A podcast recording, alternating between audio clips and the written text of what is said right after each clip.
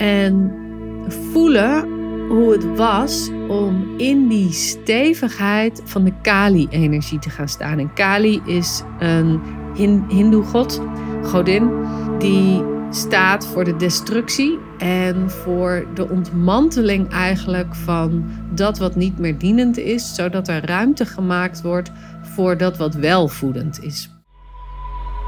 Welkom bij de Sensueel Belichaamd Leiderschapspodcast met Janneke Robers. Dit is de podcast voor vrouwelijke coaches en leiders die zichzelf willen bevrijden van eeuwenlange conditioneringen die hen klein houden. En de podcast die je ondersteunt in het ontwaken van je volle vrouwelijke potentieel. Welkom in mijn hoofd, hart en bekken.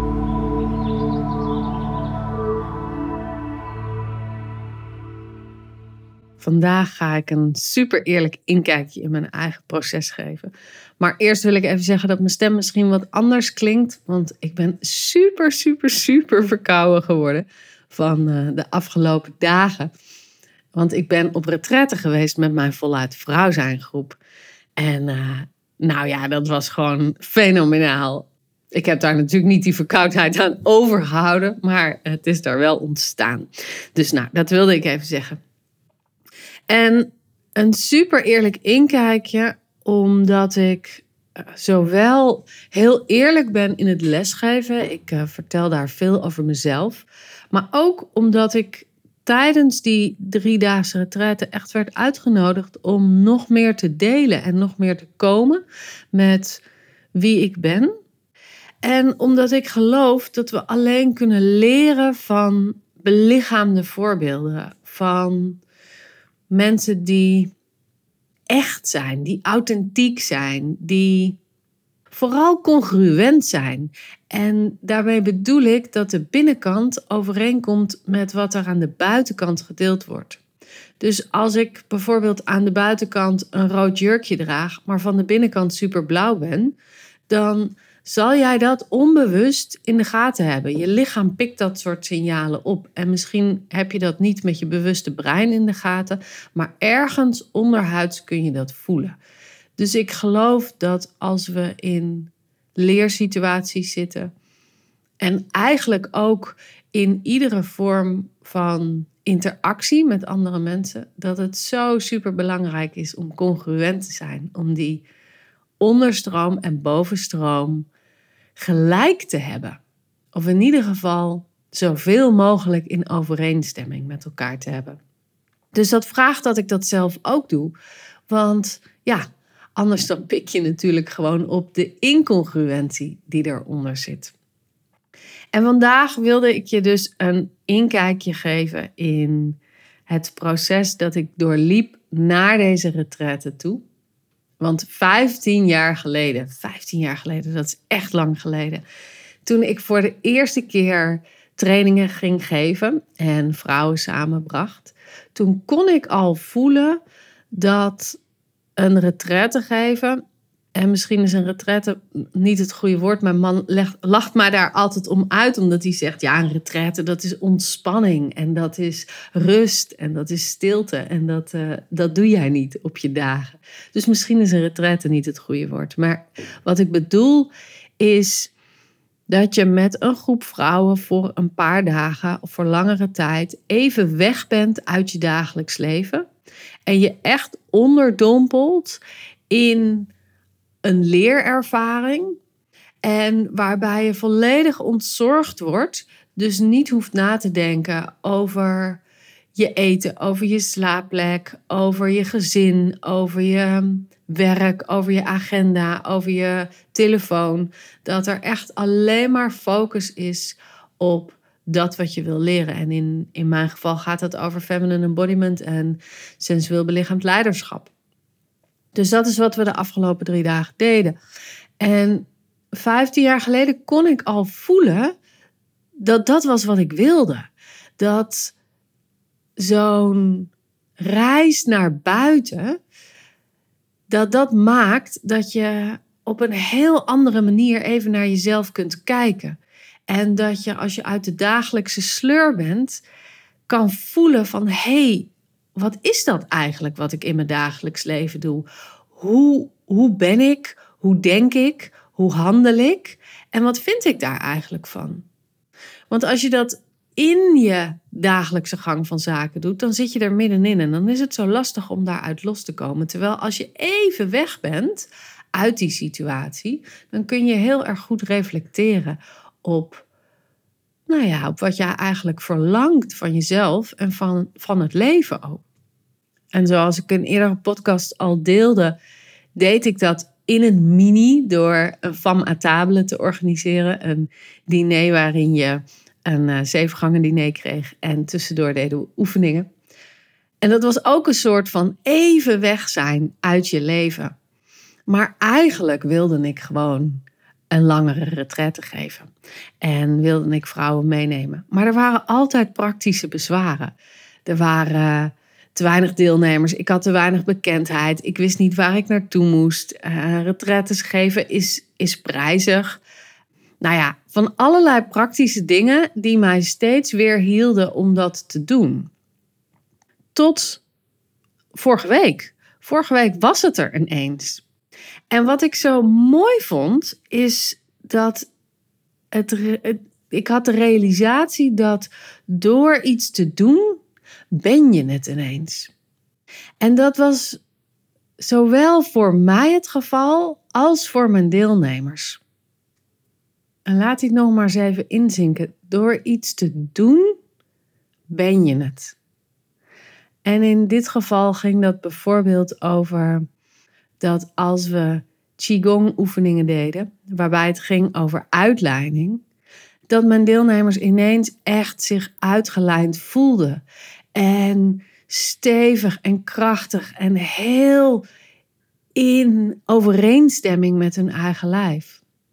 Of toen we oefeningen deden met het zwaard over gaan staan voor je eigen waarde en dat wat niet voedend is wegsnijden uit je leven. Dat de handeling, de beweging van het zwaard, het zwaaien met het zwaard, daadwerkelijk dat tot stand bracht. Dus de beweging van het lijf zorgt dat er iets wakker wordt in jouw lichaam en dat dat er dan ook daadwerkelijk is. Dus op het moment dat je vanuit je bekken gaat bewegen, vanuit je bekken een, een draaiing, een, een kanteling, een nou ja, wat dan ook maar maakt, wordt dat bekken wakker.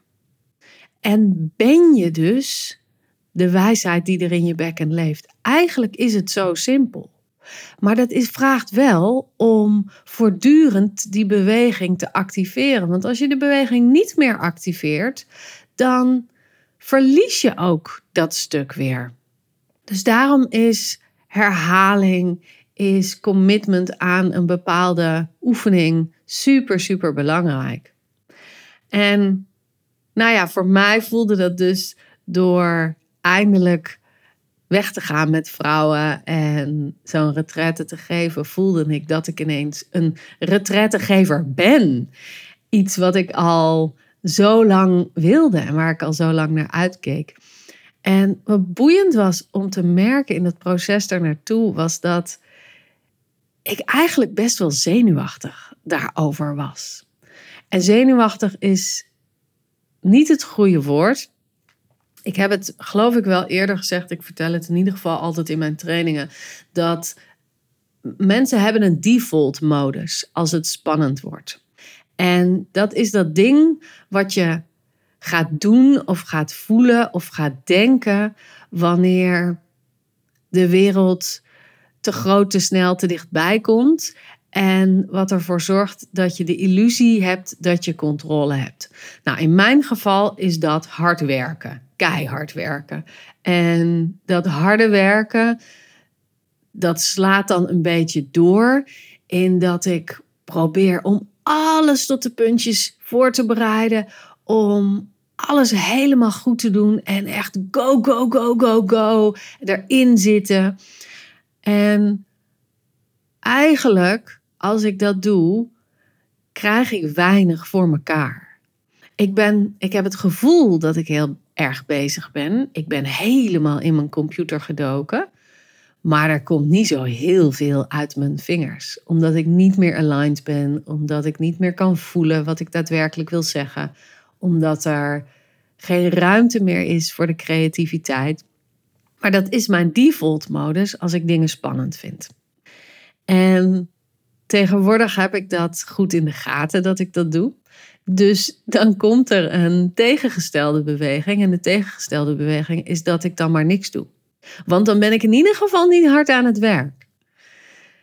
Maar dat zorgt er natuurlijk voor dat ik nog minder controle heb, of althans nog minder het gevoel van controle heb. En dat ik dus ga worstelen tussen keihard werken en keihard niks doen. En ja, de tijd verstrijkt en op een gegeven moment dan kom ik toch aan dat punt waar, waar ik mijn tas moet inpakken en waar ik moet gaan.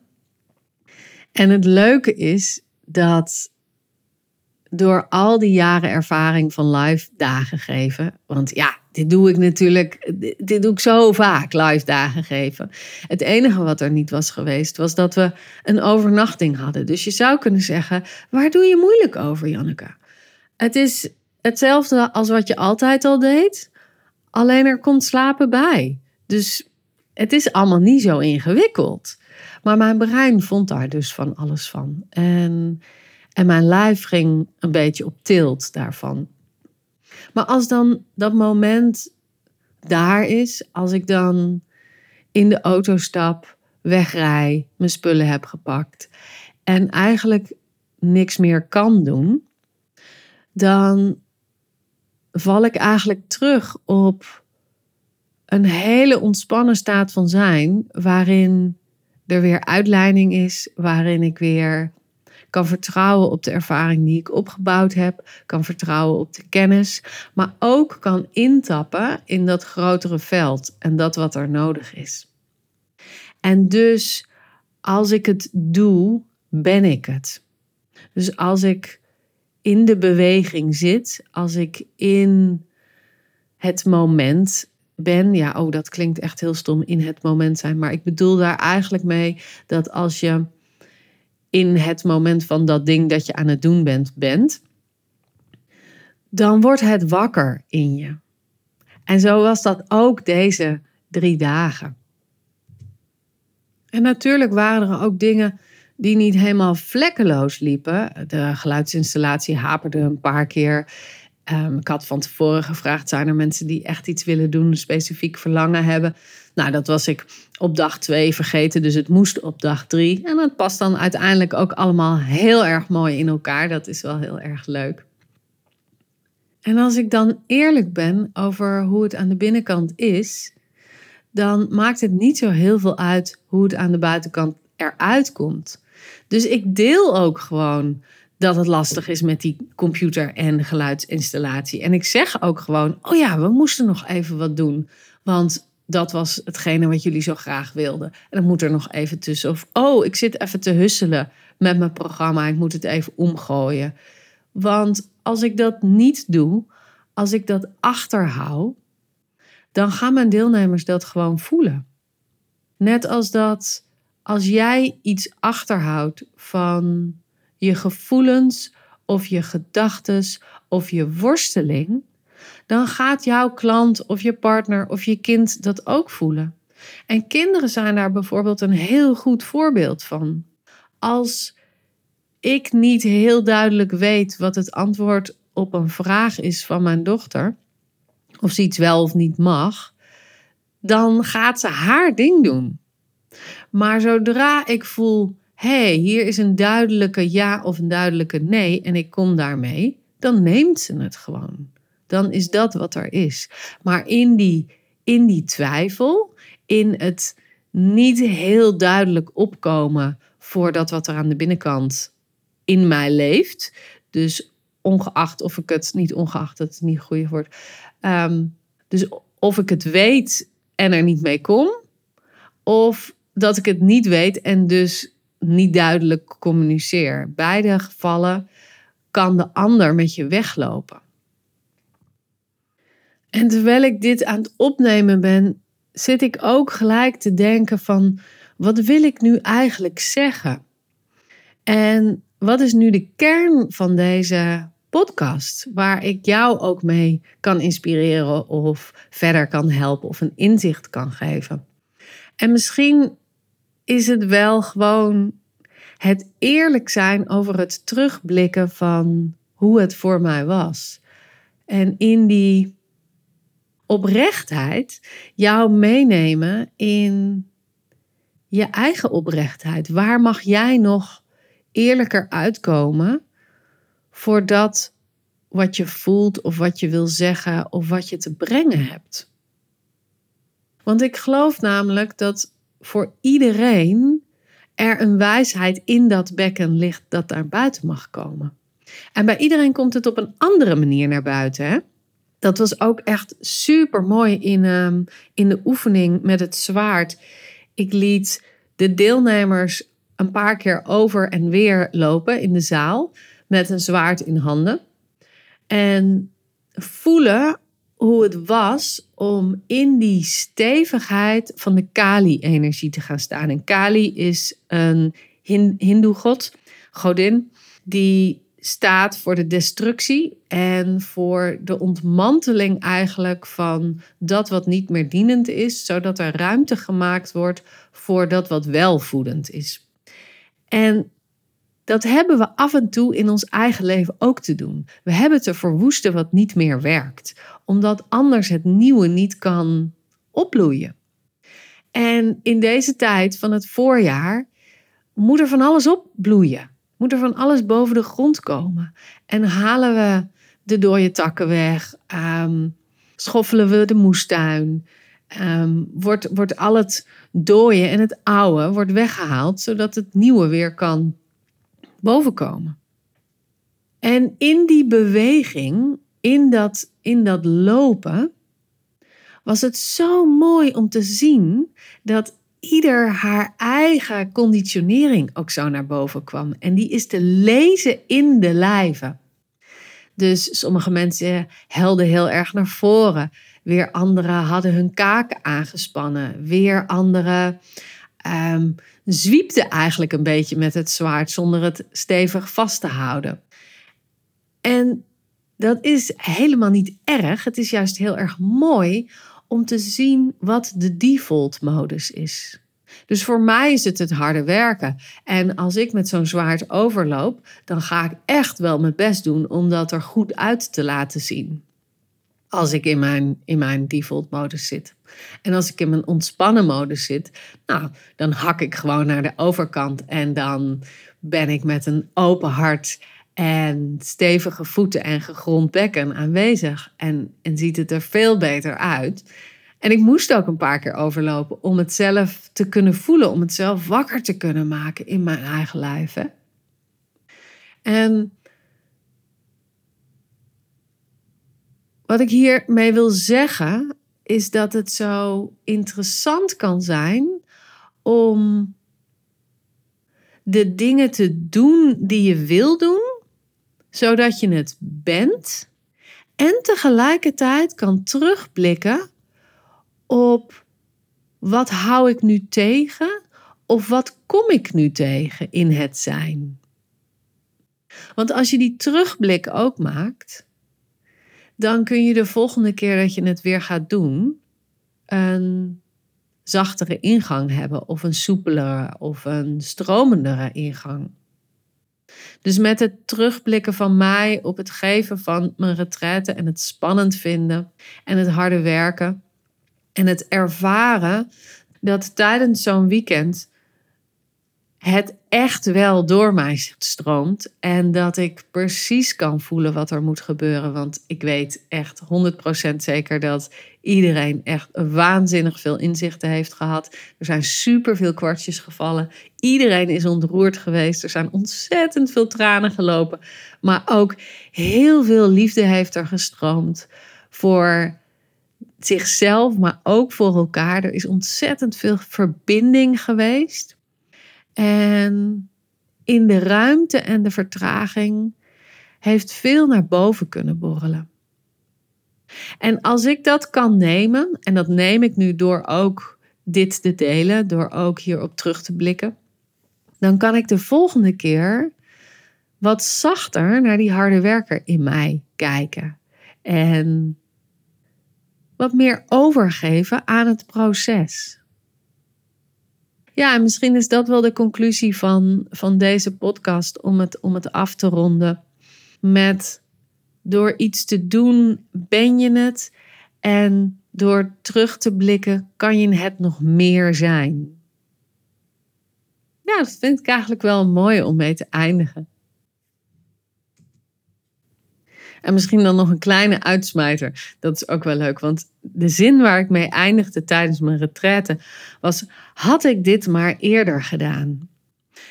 Zonder een oordeel daarover te hebben, maar wel de realisatie van: oh, had ik me maar niet laten verleiden door al die praktische bezwaren. En had ik het maar eerder gedaan, zodat ik het eerder kon zijn. Zodat ik eerder kon terugblikken en kon voelen: ah, hier kan ik echt helemaal inlanden. Dus de vraag waar ik je mee wil achterlaten is: wat heb jij te doen? Wat mag je naar het hier en nu trekken in plaats van in de toekomst laten staan? Zodat je het eerder kan zijn. Zodat je het eerder door je lijf heen kan voelen stromen. Hmm. Ja. Nou, dat was even deze aflevering. Een super eerlijk inkijkje op mijn proces tijdens de retraite van de afgelopen dagen met mijn voluit vrouw zijn groep. En ehm, zoals altijd vind je dit een super interessante podcast. Haal je hier waarde uit. Deel hem alsjeblieft met vrouwen in je omgeving. Dat vind ik echt waanzinnig leuk als je dat doet. En laat me ook even horen wat jou raakt en wat je geïnspireerd heeft aan deze podcastaflevering. En dat kun je doen door me een Instagram berichtje te sturen. En uh, like of abonneer je even op de podcast, want dan krijg je ook de volgende afleveringen te zien en te horen. Nou, voor nu wens ik je een hele fijne dag, middag of avond. En uh, ik hoop je graag snel terug te zien in de podcast. Doei doei!